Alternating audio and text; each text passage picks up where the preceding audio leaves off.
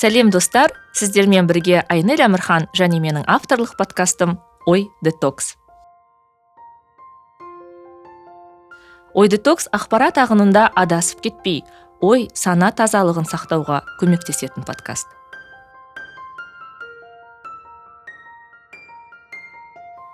Естеріңізде болса осы маусым эпизодтарын менің жеке басыма қызық тақырыптар аясында дайындаймын деп айтқан болатынмын.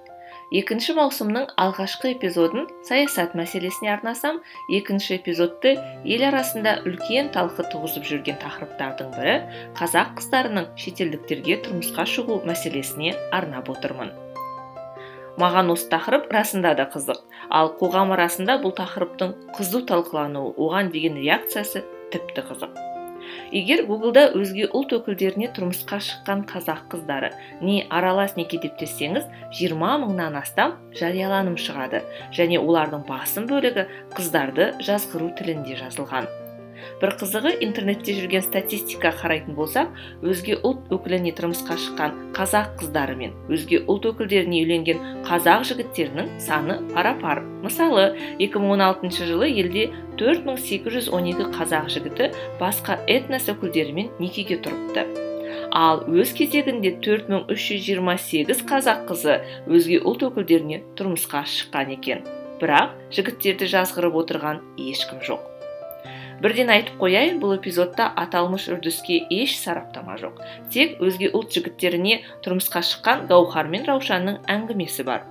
Олар өзге ұлт өкіліне тұрмысқа шығу туралы шешімді қалай қабылдады? Жаңа елдегі өмірі қалай өрбіп жатыр? Менталитет қайшылығы мен өмір салты туралы өз сөздерімен баяндайтын болады. Міндетті түрде тыңдаңыздар.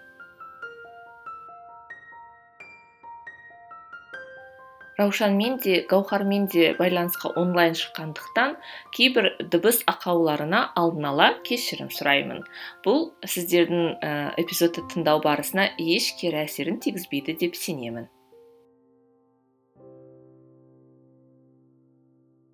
Ә, менің атым гаухар.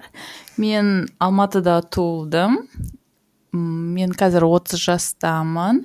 Ә, финляндияға ә, permanently дейді ғой. Екі мың жиырмасыншы жылы мен нені алдым ә, карточканы.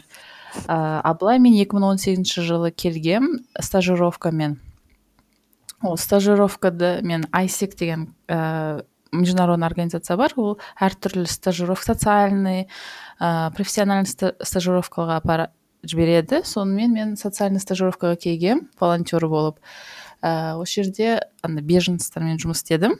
Сол кезде бірінші рет финляндияға келгем. Ә, сол кезде екі үш жыл болды уже сол қазіргі күйеуіммен таныстым сөйтіп араласып араласып алдыңғы жылы ә, біз үйлендік. Қызым бар кішкентай сол қызымды қарап декреттемін. Мен осы жерге келген кезде сол интернет арқылы таныстым. Үш төрт рет қана көрістік. Өйткені менің стажировкам бітер кезде ғана таныстық. Сосын біз бізге ары қарай ә, не араласу керек екенін сездік. Өйткені жетіспей тұрды да. Біріміз бір, бірімізді біліп көбірек уақыт өткізгіміз келді. Сондықтан ол маған келді ә, алматыға. Алматыға екі рет келді осы екі жылдың ішінде. Иә біз араласып жүрген кезде екі рет келді. Мен де финляндияға екі үш рет бардым. Сөйтіп бір бірімізге қонаққа барып араласып жүргенбіз. Сосын ә, өстіп жүре береміз ба деп үйленуге бел будық. Иә сосын бізге сұрақ тұрды қай жерге тұрамыз үйленген кезде? Ә, оңайрағы маған осы жерге келу болды. Өйткені тіл жағынан да жұмыс табу жағынан да оңай маған оңайырақ болды. Ә, адаптироваться етуге иә ассимилироваться етуге басқа культураға күйеуіме қарағанда. Ә, сондықтан және маған өзіме қызық болды финляндияда тұрып көру. Бірақ та біз бұнда қатып қалып тұрмаймыз. Ә, тұрамыз деп ойлаған жоқпыз.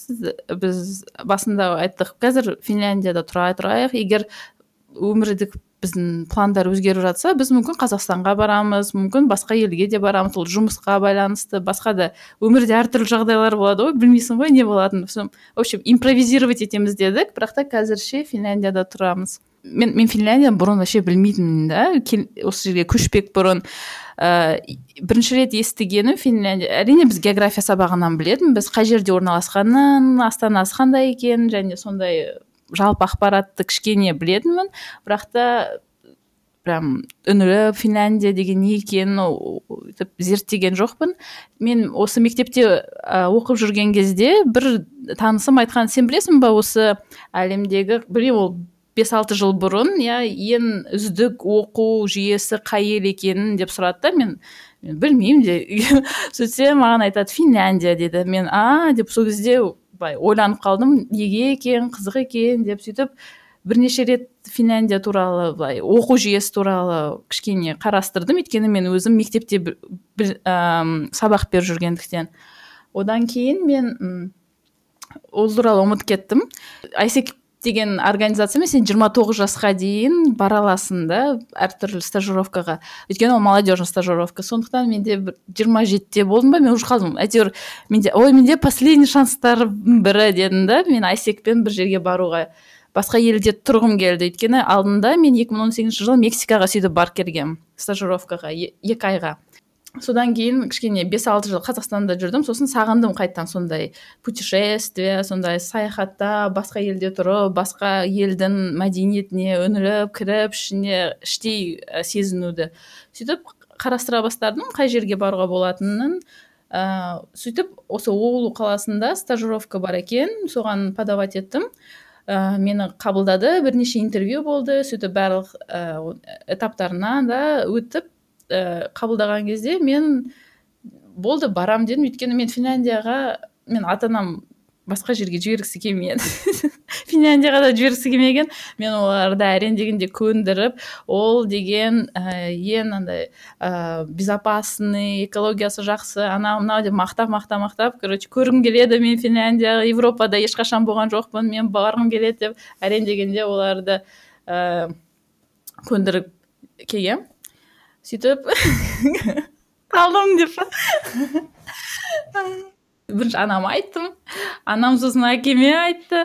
Сөйтіп ә, сосын иона келді. Менің күйеуімнің аты иона. Алматыға келді танысты. Олар әрине басында көрмеген адамды қалай мысалы мен айтқан кезде олар кішкене ә, кішкене шок болған да шығар білмеймін қарсы қарсы болған да шығар. Бірақ та оны көргеннен кейін оның қандай жақсы жігіт екенін көргеннен араласқаннан кейін ә, өздерінің батасын берді. Олар үшін менің бақытты болғаным маңыздырақ сияқты. Өйткені ол ұлтына қарамастан егер ә, қызым бақытты болса кімге үйленгісі келсе соған үйленсін деген шығар. Ал былай ә, өздерінің батасын беріп әрине ә, олар мен қазақстанда болса екен деп қалады. Бірақ мен өзім финляндияға келгім келді көргім келді тұрып көргім келгенде қазақстанға меніңше әрқашан оралуға болады. Егер мүмкіндік болса басқа елде көріп ә, басқа елде тұрып көру ә, мүмкіндігін жіберіп алмау да дұрыс деп ойлаймын. Ал егер қатты сағынып осы шыдай алмай кетсем қайтадан қазақстанға баруға әрқашан болады. Бірақ та мен өзім сенімді болдым. Мен өзім жарында сенімді болдым. Мені ә, ренжітпей мені жақсы жақсы түсінетінімізді бір бірімізді жақсы отбасы болатынымызға мен сенімді болғандықтан мен өзім ә, бәріңіздің лебіздеріңізге мүмкін қорыққандарыңызға да мен үшін ә, переживать еткеніңізге рахмет. Бірақ та мен өзімнің шешімімді қабылдадым. Егер әрине егер тағы ыыы ұнамай жатса мен қайтып келемін деп айтты. Бірақ та ә, білмеймін олар олар бақыт тіледі маған. Қандай да болса егер жігіт саған ұнаса егер сен өзіңді сенімді болсаң мен ойымша қыздың таңдауын ә, туысқандары қабылдау керек. Өйткені қыздың бақытын тек қыздың бақытына қыз өзі ғана жауапты. Әрине тыңдау керек үлкендерді тыңдау керек өзінің бәрін ә, таразыға салып ойланып шешім қабылдау керек деп ойлаймын. Әрине мен де ойлаған жоқпын мен басқа ұлтқа тиемін деп. Мен бірінші ә, күйеу күйеу материалын іздеген кезде да мен қа, бірінші орында қазақ болу керек сосын мынау мынау мынау деп қоймайсың ғой. Бірінші сен адам жан дүниесіне қарайсың. Оның сен мінезіне қарайсың сенімен ә, тіл таб қалай тіл табысады бір бірін түсінесіңдер ма бір бірін сыйлайсыңдар ма деген сияқты. Сондай адами қасиеттеріне көп мән бересің ғой. Сен ә, мысалы қазақ болып егер маған мінезіміз егер бір бірімізге ә, келмей қалса егер менталитет даже қазақтың ішінде өзінің менталитеті әртүрлі адамдар бар иә. Сол келмей қалуы да мүмкін. Сондықтан ол адамның қасиетіне байланысты адамның өзінің ойлауына санасына байланысты деп ойлаймын. Ұлтқа емес. Халық фин тілінде сөйлейді және бұнда екінші ресми тіл иә официальный язык ол шведский швед тілі бар. А так бәрі балалар да үлкендер де ағылшын тілін жақсы түсінеді сөйлей алады. Мен мысалы қазір магазинге барсам ағылшынша сөйлесем маған ә, сатушы бәрін түсіндіріп бере алады докторға барсам да анда барсам да мында барсам ағылшын тілін мен қолдана аламын. Ал бұнда ә, интеграционный ә, курс болады да. Әр келген адамға басқа шетелден келгендерге ә, екі үш жылдың ішінде ә, саған курс бесплатно береді. Сол курсты өтуіне болады. Ә, фин тілін үйрену үшін саған осы қоғамда ә, сіңісіп кету үшін саған жұмыс табу оңай болу үшін сондай өзінің интеграционный программалары бар иммигранттарға. Соны өту керек бірақ та мен қазір қызыммен отырғандықтан маған оған баруға уақыт жоқ. Мен өзім күнде бір екі сөз болса да фразалар болса да үйреніп жүрмін. Мысалы мен күйеуіммен ағылшын тілінде араласамын. Ағылшын тілі білу маған маңызды болу керек. Өйткені біз біздің араласатын тіл сол. Ә, сондықтан әрине оның минустары да бар плюстары да бар. Ол тіл болғандықтан мысалға егер біз ұрыссақ иә мен сөзім жетпей қалса ағылшынша мен ары қарай айтпай қоямын да ал егер мен қазақпен ұрыссам мысалы орыс орысша ұрыссам иә қазақша онда мен бәрін тегі айтып тастаушы едім де ол адамның мүмкін жүрегіне тиіп қалушы ма еді деп ойлайсың. Ал қазір ұрысқан кезде мысалы сен бір нәрсе айтқың келеді бірақ та жетпеген кезде айтпай қоясың да сосын өзің кішкене ашуың басталған кезде а жақсы болыпты айтпағаның деп ойлайсың. Сонысы жақсы мысалы қазақтар кішкене кешігіп жүргенді ұнатады біз бұнда мысалы кешікпейді бұнда 15 минут ерте бару керексің. Мысалы мен өзім қазақстанда кешігіп кешігіп үйреніп қалғанымда мен мұнда асықпай пока сағат онда керек болса мен тоғыз жарымда жиналып енді бастасам күйеуіме тез тез біз уже он бес минут болдық біз қалу керек. Сөйтіп мені әрқашан бүйтіп торопить етеді да. А мен болсам үйреніп қалғанмын ғой кішкене. Бізде қазақстанда қалай сағат беске шақырса иә сен білесің сағат жетіде басталатынын сондықтан жетіге асықпай барасың тойға. Сол сияқты.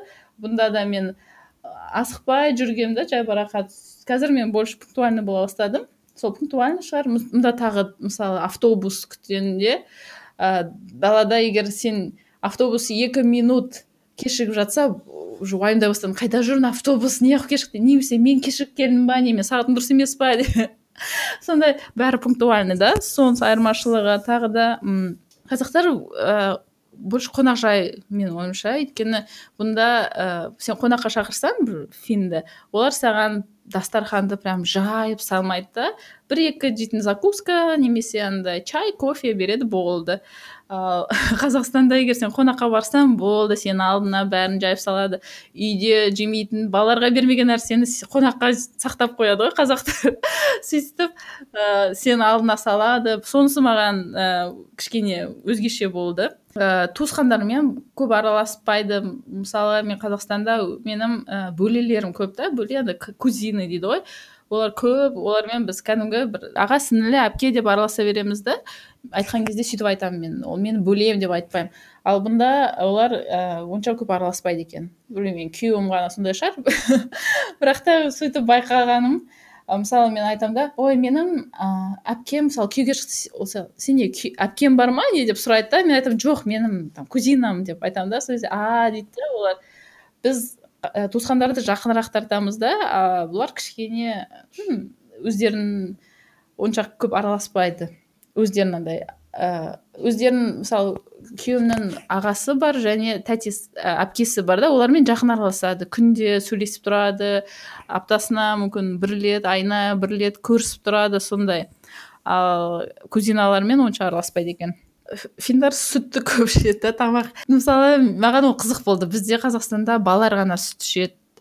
Мен сондай представление болды да балалар кішкентай кезде сүт береді сүт ішеді. Ал бұнда мысалы ресторанға барсаң меню тұрады да соның ішінде напиткінің ішінде сүт тұрады.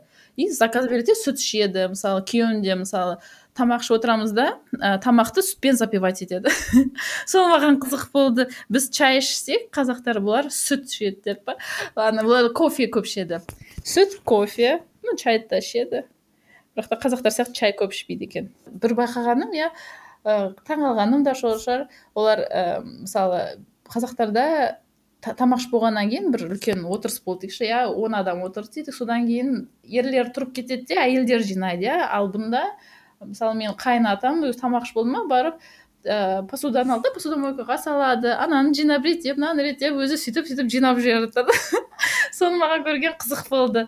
Ә, бұл жерде өйтіп бөлмейді да сен әйелдің жұмысын жасайсың мен еркектікін жасаймын деп. Егер бос болса жасай салады көмектесе салады. Мысалы менің күйеуім де ыыы жасағысы келсе тамақ жасай салады жасағысы келсе там ыыы ыдыстарды посудомойкаға салып сосын жуа салады немесе үйді пылесосить етеді короче маған ыыы сен әйелсің сен ғана жасайсың деп өйтіп маған айтпайды.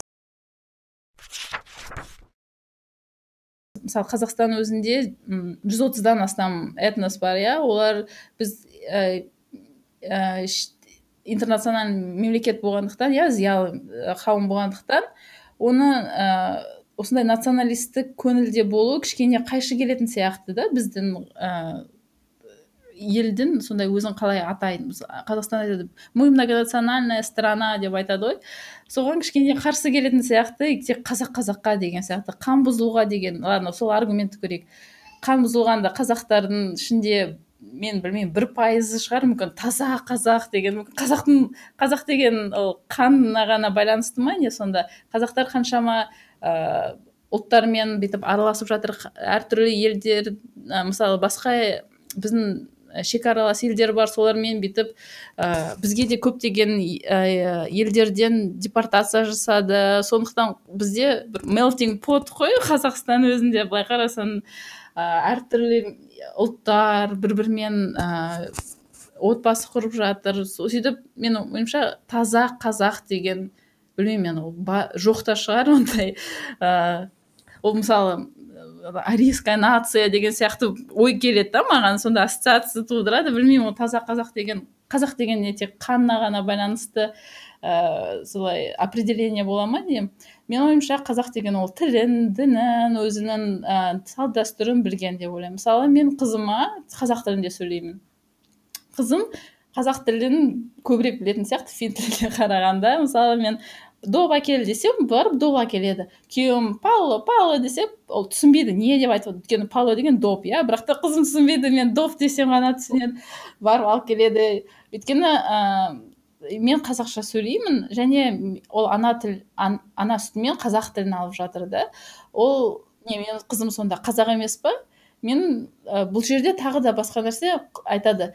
Ә, қазақтың қыздары басқа елге барады да ә, басқа елдің азаматын туады дейді.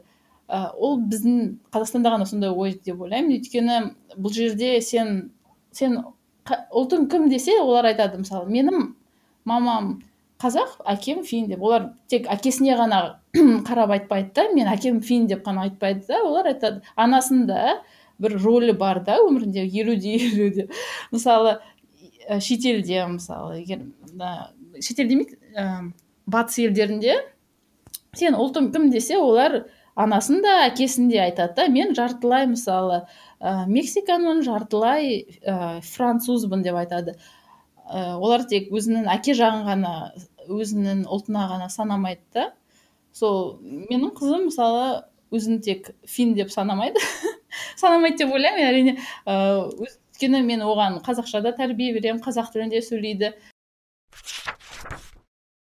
Ә, интернеттен таныспасқа. Өйткені қазір бәрі онлайнға көшті тем более пандемия кезінде. Басқа вариант жоқ. Сөйтіп танысуға ғана тура келеді деп ойлаймын. Ыыы просто өзіңді дұрыс ұстасаң өзің қандай екеніңді көрсетсең ә, дұрыс жігіт сені көреді. Мен қазақстанда мысалы өзім достарым бар да жігіт достардың ішінде олар да отырады интернетте сол сайттарда да отырады. Олар нормальный жігіттер олар ә, өздеріне ә, сайттан жар іздейді деп айтпаймын. Бірақ та таныс танысқысы келеді да қыздармен. Қыздармен танысады. Сосын танысқаннан кейін ол таныстық ары қарай дамуы мүмкін. Ары қарай олар үйренуі мүмкін. Бірінші ә, бірінші қадам ол танысу. Танысу үшін сен любой возможностьті қолдану керексің деп ойлаймын. Ары қарай сені уже қалай алып кететінін ол саған байланысты. Подкастқа шақырғаныңа рахмет. Өзімді прям звезда сияқты сезініп отырмын. Осы шетелге шыққан қыздардың өмірі қандай болып жатқанын кішкене ә, біздің қоғамға көрсетіп кішкене қандай ә, мысалдар бар екенін көреді деп ойлаймын. Мүмкін ә, болашақта ә, қазақтың жігіттері мүмкін әйелдері де бар шығар иә. Осыған қарсы болып жүрген мүмкін олар более толерантный болатын шығар. Кішкене түсіністікпен қарайтын шығар. Ондай ә, өздерін ә, басқа шетелдікке шыққан қыздарға. Өйткені менің ойымша ә, әр адам бақытты болуға лайықты. Егер өз адам өз бақытын тауып тұрса басқа ел болмасын басқа жерде болмасын ол керемет деп ойлаймын. Бақытты болса болды. Гауһар шынайы әңгімеңе рахмет. Гауһар ә, алматыда халықаралық мектептердің бірінде жұмыс істейтін және жұмыстан тыс уақытысында йогадан инструктор болып жұмыс істейтін. Біз солай таныстық. Менің бірнеше жыл бойы гауһар йога инструкторым болатын. Ал енді сөз кезегін ә, раушанға берейік. Раушан менің жақын құрбымның сіңілісі осыдан бірнеше жыл бұрын венада өткен марафонға жартылай марафонға қатыстым. Сол кезде ә, раушанның отбасымен таныстым.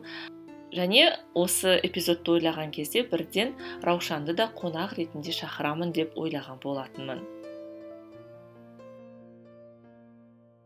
Менің есімім раушан ыыы досымханқызы шлёгльхофер ыыы өзім жамбыл облысының тумасымын осы төрт жылдай болды австрия елінде тұрып жатырмын деген венаның қасындағы кішкентай қалашықта ыыы негізі мен мұғалім ағылшын неміс тілінің мұғалімімін маман бойынша бірақ маман бойынша өмірімде істеген емеспін халықаралық жүк тасымалдау қызмет саласында 2006 жылдан бастап жұмыс істеймін. Қазіргі таңда 2019 жылдың ә, маусымынан бастап декретте отырмын. 2019 жылы қыркүйекте ұлымыз дүниеге келген. Сол сондықтан декретте отырған анамын қазір. Құдай қаласа осы жылы қыркүйекте жайлап жұмысқа шығатын шығармын деп ойдамын. Жастайымнан бір шетелге барып үйленемін деген ондай ой ешқандай қыздың ойында болмайды деп ойлаймын.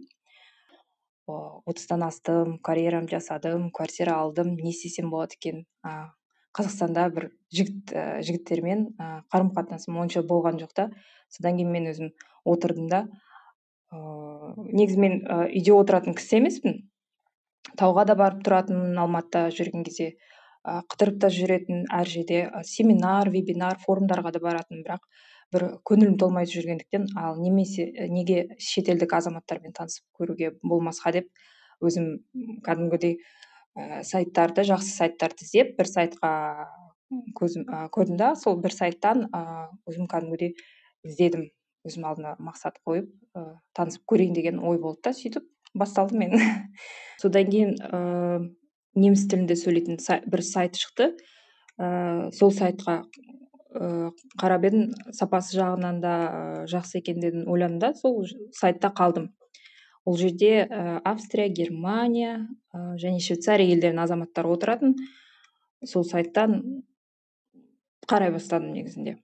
Сөйтіп өзім күйеуімнің суретін көрдім да көзі жанып тұрған кісі екен дедім да соған жаздым. Көзі жанып анау егер де естеріңізде болса ә, жаки кусто деген ә, кісі француздық азамат болатын. Соның ыыы передачасын жақсы кішкентай кезімде кішкентай бала болған кезде көретін. Сол кісіге ұқсайтын ә, басына бас киім киіп алған балықпен түскен суретінде тұрған профайлында. Соны көріп мәні жақсы кісі екен деп ойладым да сен жаза салғам. Сөйтіп біздің қалай тарихымыз басталды десе болады. Күйеуімнің аты вольфи вольф екеуміздің вольфганг.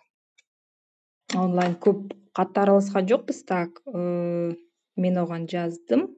бір екі аптадан кейін ол ыыы ол да ойланды жазайын ба жауап жазбаймын ба? Қазақстаннан сонау жерден жазып тұр екен маған деп деп ойланыпты ол. Сөйтіп екі аптадан кейін жазды. Желтоқсанда таныстық. И майда уже алматыға ол кісі келді. Алматыға келгеннен кейін сөйтіп араласа бастадық. Одан кейін ыыы сол жылы екі мың жылы ә, тамызда мен өзім австрия еліне келдім. Туысқандармен танысып жанұясымен танысып одан кейін екі мың он алты сөйтіп жарты жылдың ішінде қайтадан алматыға келеді да ыыы үйленейік деп айтады. Мен де білмеймін поэтапно былай тез болған сияқты. Кейбір елдер жылдап араласып жүре берді. Мен мен өзім де сондай адаммын мындай бүйтіп созып жүргім келмейді. Егер адам ұнап жатса ыыы уақытта келіп жатса ол негізі екеуміз де бір жас бала емеспіз иә. Оның да жасы келіп қалды менің де жасым келіп қалды. Ол негізі ыыы жанұя құрғанға қыз іздеп жүрген кісі. Мен де жанұя құрғанға кәдімгі уже жігіт еркек дейікші кәдімгі іздеп жүрген адам болған сондықтан бір бірімізді түсініп көріп ұнатып ыыы сөйтіп бір жыл ішінде проектті бітіріп тастадық. Біз айтпақшы таразға бардық мамам алдына вольф келген кезде екінші келген кезде үйленер алдында иә мамамның алдынан өтті. Десе болады сөйтіп барып танысып ыыы қолымды сұрап мамамнан сөйтіп ыыы мамаммен танысқан сонда мамам мамама негізінде ұнады. Сондықтан мамам қалай ақ батасын алып жолға жүрген адамбыз біз. Ал жанұяда жалпы екі сіңлім апам олар жақсы қарады. Мультфильмді көріп қолы ашық мінезі жайлы кісі екенін көріп ұнатты. Шет елдің адамына азаматына үйленердің алдында ол жақсы көру қасиеті бәрі ол да жақсы. Бірақ сен әр қыз үйленердің алдында басқа елге барардың алдында ойлану керек. Мен онда не істеймін мен тілді білемін ба? Қандай жұмыс істей аламын қандай қызмет атқара аламын? Ол жағында ұмытпау керек негізі. Ол бара салып мысалы егер де қазақстанда ол қазақ тілінде ғана немесе орыс тілінде ғана сөйлеп жүрген азамат болса жай жұмыс істеп жүрсе ол қиындау болады. Сондықтан кішкене өз жағдайында алдын ала ойлау керек. Ыыы біз негізі күйеуіміз екеуміз немісше емес ағылшынша сөйледік. Ол да ағылшынша сөйле, сөйлей алады біледі енді мектептен кішкене кішкене білгендіктен бізге оңай болды. Ағылшын да көбінесе сөйлесек сөйледік. Ыыы содан кейін менде университетте неміс тілінің базасы болған. Неміс тілін ыыы сол қалған базасына тағы да оқып ыыы курсқа барып тағы да толықтырып содан кейін ғана австрия еліне келдім мен. Әлі күнге дейін бір жерлерге барған кезде түсінбей жатсам да қалай айтса болады интуитивно түсінетін жерлерім бар кейбір жерде тілді. Тілсіз қиын әрине тілді білу керек. Мысалы бізде быт дейді ғой үйдегі тіршілік. Бір мелочьтар шығады ананы істеймін ба мынаны тез тез айту керек. Или қалай айтса болады өмірде тіл өте маңызды ситуациялар болады. Сол кезде тілді міндетті түрде білу керек. Тілсіз қиын. Бізде ең жақсы бізді қалай вольф екеумізге ол да ағылшынды білет, арасында немісшеміз кетеді қазір қазақша да кетеді арасында. Сөйтіп сол үшін бізге оңайырақ егер таза немісше сөйлеп жүрсек біз екеуміз иә енді мен немісшем әлі шала соның өзінде қиын болар еді негізінде шыны керек. Ал семья жанұя болғандықтан ыыы қазақстан болсын австрия болсын америка болсын барлық жанұяда менің ойымша сырттан болсын идеал болып көрінсе іште әр жанұяда өзінің кішкентай болсын үлкен болсын мәселелер болады. Ол енді ол тілге байланысты емес қалай? Жанұя өміріне байланысты негізінде. Енем жақсы қарсы алды мені. Ол кісі мені өте жақсы көреді. Әлі күнге дейін бір тфәй тфәй бір ұрысып жанжалыс әлі ондай болған емес. Жақсы қарсы алды. Ұлына мен де ойлағанмын сен қалай маман жіберді сені алматыға алысқа? Сен қалай қалай айттың вообще мамаңа қалай болды осы деп мен маған да басында қызық болған. Мен жайлап айттым мен қазақстанда бір қызбен таныстым соған барамын көремін деп.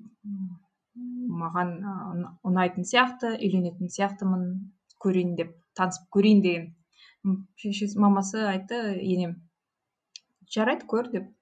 Сөйтіп өзіміз тамызда келген кезде қонаққа мен келген кезде австрияға столда дастархан басында отырып танысқанбыз. Қазірге де кейбір күліп айтады ғой сен бұрынғы өмірде мен сені білетін сияқтымын мен бір туысқандарымның бірі сияқтысың деп ыыы сөйтіп айтады. Ал көрші достар дейсің ол достары да жақсы қарады жақсы қарсы алды. Көршілермен онша араласпаймыз да бізде. Қалада тұрғандықтан ондай туысқандар да жақсы қабылдады. Әркім мне кажется өзімнің ойымша әркімнің өзінің өмірінде көптеген мәселелер бар. Сондықтан біреудің кімге үйленіп жатыр кіммен тұрып жатқанына ондай уақыт та жоқ сияқты басқалардың.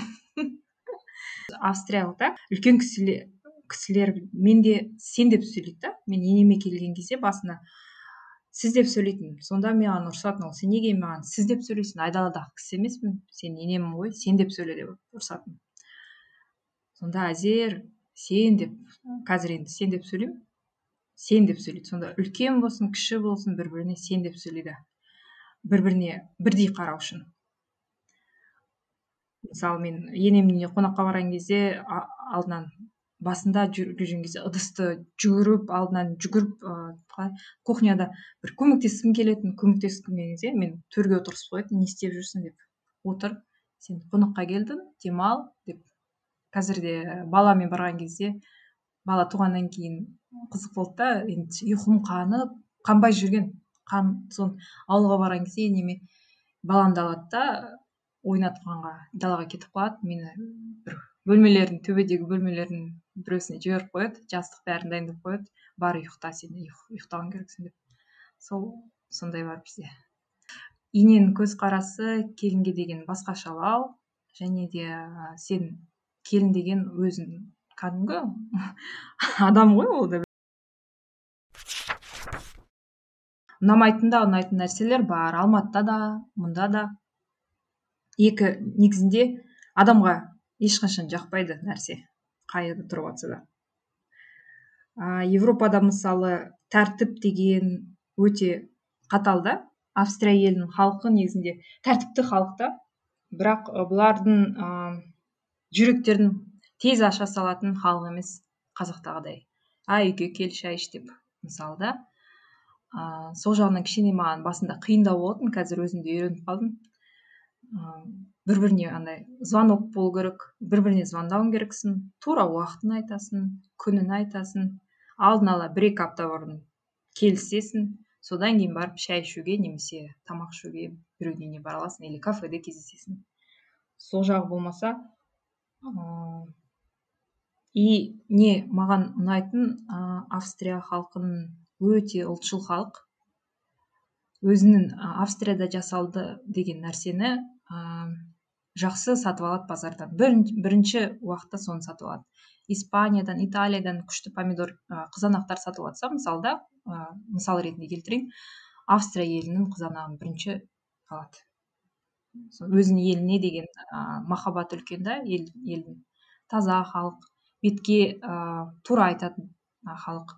Сол жақсы жағынан жаман жағынан ұнамайтын жақтары енді айтайын. Мен екіқабат болған кезде жолым ауыр болатын баратын жұмыс істейтін жер венаның ар жағында. Мен қаламмен сол мен жұмыс істеп жүрген ауылда болатын офисім компаниям. Жетпіс жеті километр бір барған бір жарым сағаттай. Жол ауыр болғандықтан мен пойызбен баратын венаның арасында ар жағында трамваймен отыратын. Екі қабат әйелге орынды онша бермейді пойызда бір рет бір шал кісіге айтқанмын ары жылжисыз ба орын бар ғой мына жерде отырайыншы деп ол кісі сумкалары заттары тұрған алысқа кетіп бара жатқан кісі болу керек айтқанмын жылжисыз ба? Ой басқа орын тауып алшы қарағым деді да сол кезде мен шок болғанмын қарамайды екі қабатсың ба екі қабат емессің ба үлкен кісісің ма кіші кісі ма ә, кәрі ма? Ә, сол жағынан кішкене ұнамайды. Ал қазақстанда есік ашылған кезде екіқабат әйел немесе үлкен кісі келсе жүгіріп келіп орын береді ғой апай отырыңыз мында мында деп. Ондай жоқ бізде. Бізде емес енді австрия елінде. Сол жағынан ешқандай күт, күтпе сыйластық деген ондай есікті ашып енді барлығы ондай емес. Мен бірақ сондай болған жағдайлар. Сол кезде басымда жыным ұстайтын қазір енді үйреніп қалдым уже ондайға көзім жабылады. И шетелдік азаматтарға енді бір анау шетелден америкадан келді ғой деген ондай ой, қатты көзқараспен қарамайды. Бізде қазақстанда бір білмеймін не, не үшін екенін білмеймін. О америкадан келген ғой мынау америкадан келген товар болсын адам болсын бір қызық қарайды ғой. А бұнда ондай ондай вообще жоқ. Бәрібір келдің ба кел барсың ба жоқсың ба? Шетелденсің ба қай елдің? Ондай қатты қызығушылық көрсетіп білгісі келіп отырған ондай. Жоқ ол енді бұлардың менталитеттері басқаша өмір сүру басқаша өйткені олар. Өмірлері де құдайға шүкір мында жақсы десе болады иә. Сондықтан ешкім ешкімге қызық қалай? Қызықшылық көрсетпейді қатты. Әркім өз өмірімен өз жағдайын жасап сөйтіп өмір сүреді.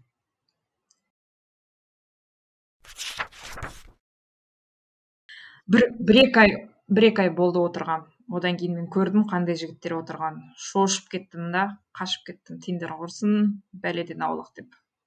Ішіндегі отырған видишь бұл ә, бұл жағдайдың болған себебі ішінде жаман ойы бар басында жаман ой бар жігіттер отырады. Жігіттер де емес еркектер десе болады иә.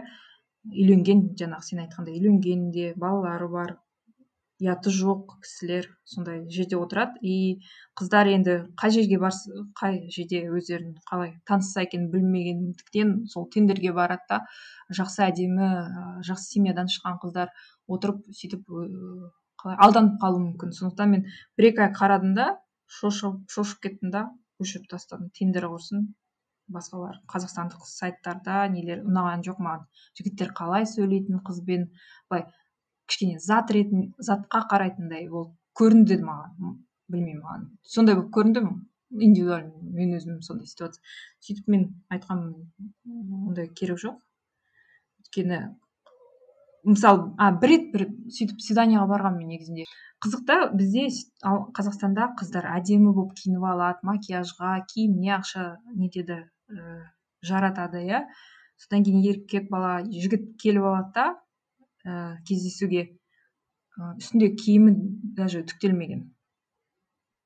Сонда соны көрген кезде енді қашу керек ондай жағдайда. Ол саған құрметпен келіп тұрған жігіт емес. Сондықтан білмеймін. Ондай қара қалай репутациясы жаман сайттарда отырмас едім енді әркім өзі біледі өзі қай жерден іздейтінін. Егер жанұя құрам деген қыздар болып жатса жігіттер болып жатса басқа жерден іздеу керек. Қазір алматыда қоғамдар көп мысалы жүгіретін сен өзің жүгіресің мысалы да жүгіретін қоғамдар форумдар болады. Сондай қызық хоббимен араласатын кісілердің арасында ә, жақсы қызды да жақсы жігітті де табуға болатын сияқты менің ойымша. Сондықтан. Шетелдік сайтында ішінде де тендер сияқты жынды, жынды сайттар бар. Шетелдік сайттардың басында бес алтауын қарадым көрдім жындылар жаза бастаған кезде мен уже о, деп фильтровать еттім да кәдімгідей мен тендер жасадым оны список жасап кәдімгідей сөйтіп бір сайтқа кіріп о мына жерде мен тіркелген сайтта жігіт бала ә, әр жазған қалай? хатына ә, сайтқа ақша төлейді қызға жазатын болса. Сондықтан ол еркек бала төлейтін сайт ә, қыз болса төлемейді. Бостан босқа ойнап жазбайтын сайт та сондықтан кішкене. Онда да бір бірен саран ойы дұрыс емес кісілер де болды. Бір жазған кезде уже түсінесің қандай кісі екенін. Адам баласы болғаннан кейін бәрі уайымдайды. Әрине мен қазір ұлым бар. Ер, келесі екінші балам қызым болған кезде ойланар едім қызым алысқа бармашы деп айтар едім. Ұлыма да осы австрия елінде немесе осы жақын жерде қала бер. Біз тұра, тұрып жатқан жерде қалшы деп айтар едім. Өйткені ертең немерелі болады мен немеремді балалы болады ол немеремді қасымда көргім келеді да. Мысалы енем біздің ә, үйдің қасында тұрады. 15 минуттай шақырым жер ә, ауылда. Қандай жақсы бізге. Ол кісі болмаса баламен кішкене қиындау болар еді деп ойлаймын да. Сондықтан сол туысқандар қасында болу керек көмек болу керек. Әрине ол керек нәрсе.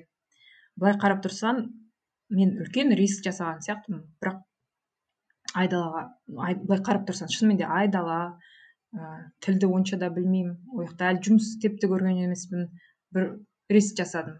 Бірақ неменеге жасамасқа дегенде ойландым мен. Келердің алдында мен көп ойланғанмын. Үйленемін ба үйленбеймін ба? Ол бір оңай зат болған жоқ маған да. Ойланып уайымдап ыыы тәуіп әпкелеріме де бардым. нумерологқа да бардым. То есть мен әр жақтан бастығыммен де сөйлестім бастығым негізі досым мен. Ой раушан че ты теряешь? Деп ол маған бастығым әр жақтан ойлану керек сонда сонда бірақ шешім қабылдау керек. Сөйтіп шешім қабылдағаннан кейін әрине бұл айдала қазірдің өзінде ойлап тұрсам алыс қасымда туысқаным да бір онып тұрған қалай достардан бір ғана ә, подружкам бар бірақ әркім өз өмірімен сүреді өз өмірін әркім өз өміріне. Сондықтан былай даже мен мен тұрмақ енем де уайымдайды айтады. Уайымдаған кезде уайымдамайды қатты енді. Айтады да сен айдалада келдің сен вообще сен менен басқа менің ұлымнан басқа сенде ешкім жоқ деп айтады да мен былай ойлаймын. Мен күйеуімде де менен басқа ешкім жоқ қой өзінің шешесінен басқа. Сондықтан былай қарап тұрсам мен күйеуім ешкіммен араласпайды. Туысқандарымен де достарымен де онша араласпайды. Жанұя ғана соны қарап тұрсам біз ұрысып қалатын болсақ бұның үлкен плюсы бар негізі айдалада тұрған күйеуіммен талай рет ұрысқан кезде енді мелочтар болады ғой жанұяда ұрысқан кезде баратын жері жоқ. Бірақ есіктің алдына айналып келесің да жарты сағаттан кейін келесің достасасың. Күйеуімнің де баратын жері жоқ негізінде. Ұрысып қалсақ шын керек оны да. Сондықтан бір ұрыссақ та нетсек те қайтадан бір бірімізге келеміз. Сол жағы плюс а былай ойлап тұрсаң негізі алыс жер. Оны да білемін мен өзім. Қалай? Осознанно оны біліп үйленген адам сондықтан тфәй тфәй ондай мандайда қорқыныш жоқ адаммын жұмысқа кіргеннің өзінде бастығыма басында бір екі айдан кейін ұнамай жүрген орын. Айтқан маған мынау ұнамайды мен басқа орынды маған көздеңіз маған мына жер ұнамайды мен істеп жатқан жер мына жер қағаздармен отыратын адам емеспін мен басқа жұмыс өзі сұраған кезде мен айтқан бетіне сондағы украинка қасымдағы қыз айтатын раушан сен неге өйтіп айтасың ұнамайды деп содан кейін типа жұмыстан алып тастауы мүмкін ғой деп жоқ мен енді сұрап жатқан кезде қала мен ойымды айтамын басында біз басқа келіс, келіскенбіз ыыы мен интервью жұмысқа алар кезде жұмыста басқа жасап жатырық неге мен келіскен нәрсені істемейді деген сияқты. Содан кейін бір басқа отделға ауыстырып тастады жақсы отделға. И жұмысы да жақсы тыныш болды. Сондықтан әрқашан адам сөйлеу керек өзінің ойын айту керек. Ол қалай? Жыламаған балаға емшек бермейді ғой. Сондықтан өзіңді ойыңды айтып ол қалай айту керек соны да білу керек. Сондықтан сон болар деп ойлаймын. Ал момын қатты момын болу да керек емес шетелде болғаннан кейін кішкене пысық болу керек. Адам негізінде мен айтайын деген басты ойым үйленемін дей ма қандай тауға гималайға шығамын дей ма не істесем десе ол өз ә, мақсатын қойып алға жүру керек. Сонда ғана өз мақсатына жетеді. И күнделікті жатар кезде сұрау керек. Мен осы мақсатқа жету үшін не істедім? Соны күн сайын бір жарты жарты қадам жасаса сол мақсатқа әрқашан жетеді. И күн сайын құдайға айтып рахмет соған мынаны жасадым мынаны жасадым маған да рахмет құдайға да рахмет десе сол рахмет қалай білдіріп отырса рахметін ол одан сайын көп алады өмірде. Сондықтан күн сайын мен жатар кезде қазақстанды құдай сақта австрияны сақта деп отырмын. Құдай сақтасын соғыс ештеңке болмасыншы осы екі елде ә, жақсы бәрі болсын. Балама да жатар кезде бата беріп ұйықтатамын сонда айтамын екі елдің үлкен азаматы бол құдай қаласа. Қазақстан елінің австрия елінің. Сондай. Екі ел аман болсын.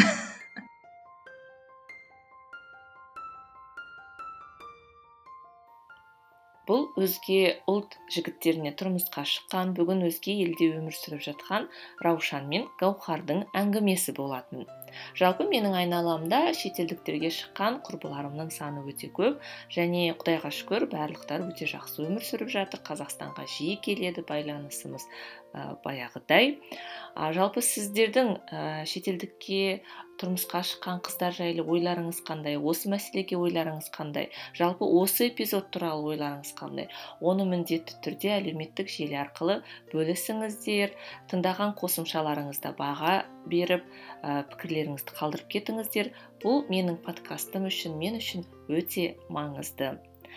Эпизодты аяғына дейін тыңдағандарыңызға рахмет. Келесі эпизодтарда естіскенше.